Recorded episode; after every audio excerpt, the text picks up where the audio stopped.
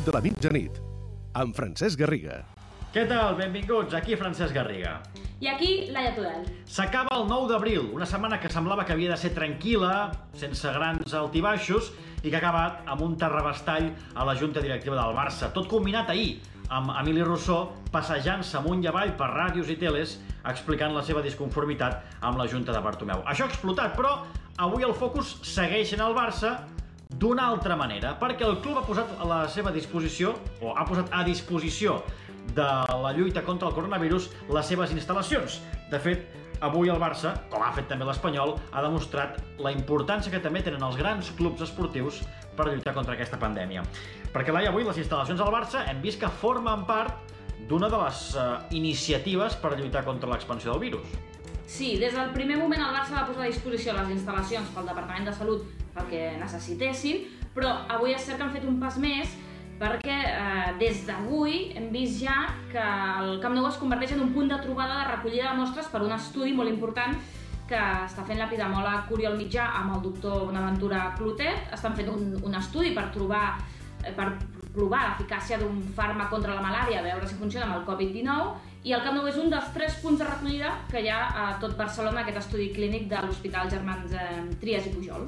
Però és que a més el Barça està col·laborant a la recerca de la vacuna contra el coronavirus. Com ho està fent el Barça, això? Com col·labora?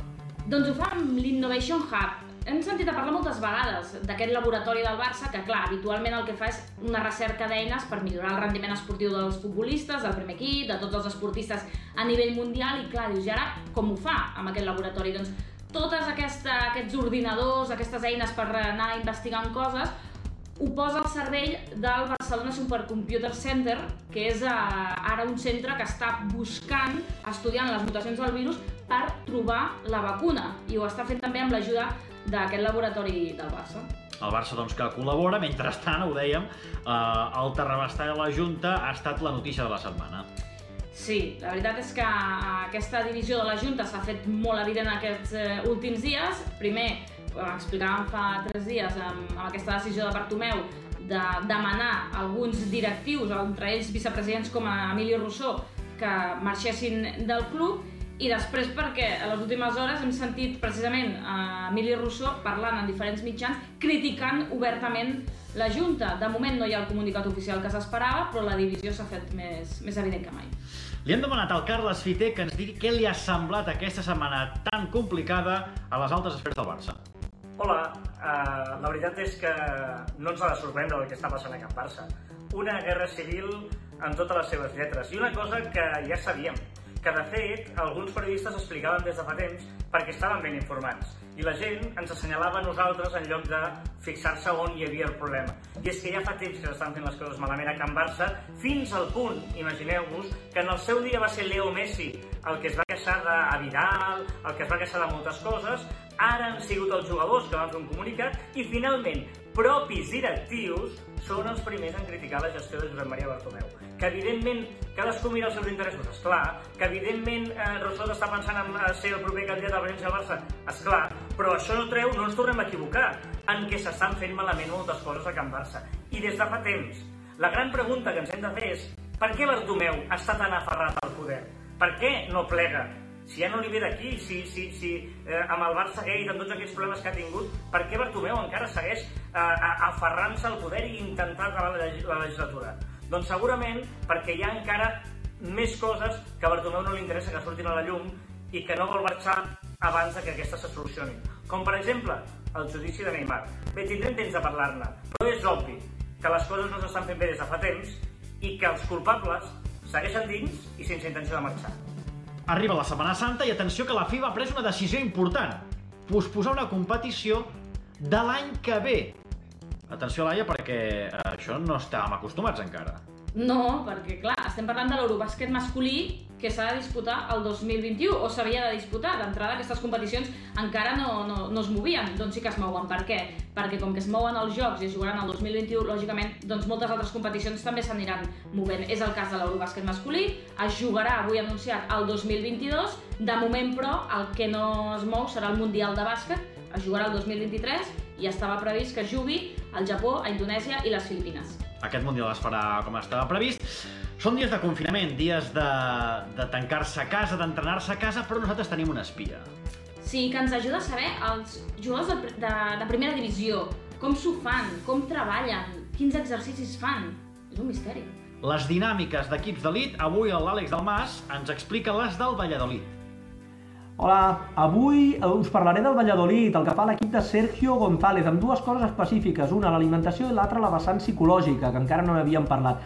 En quant a l'alimentació, el Valladolid no posa cap pauta ni cap recomanació nutricional, només sí una condició específica, i és que els jugadors tenen l'obligació d'arribar amb el mateix pes que estaven en període competitiu. És la seva responsabilitat controlar-se tant la dieta com la, el reste de l'alimentació per arribar amb el mateix pes, la única condició que posa Sergio.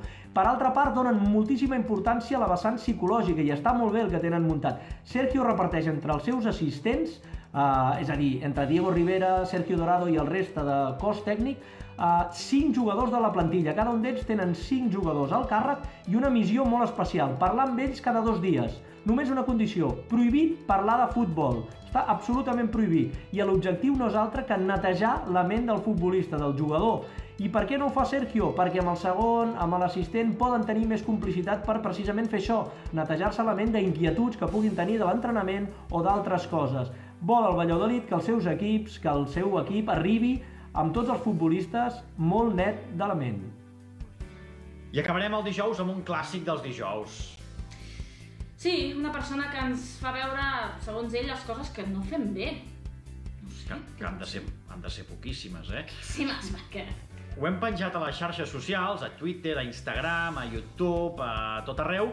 Atenció, perquè avui, per exemple, recorda grans moments parlant de Setmana Santa que hem viscut al programa. Bones, què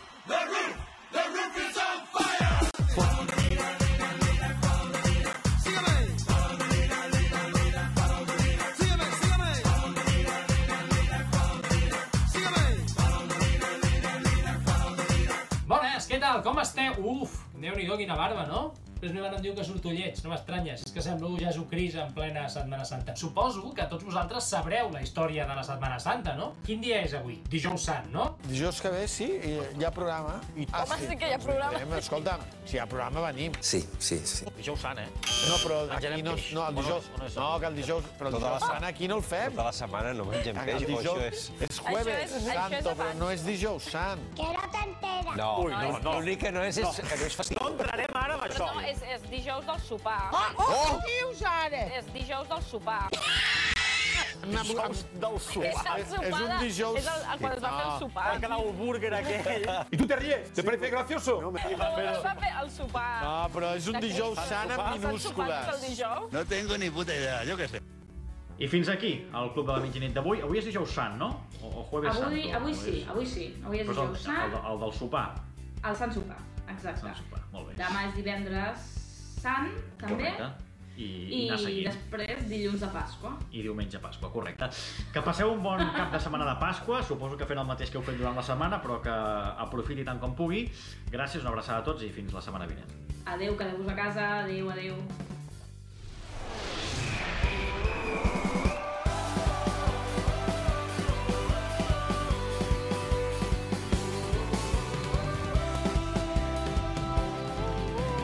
Club de la Mitjanit,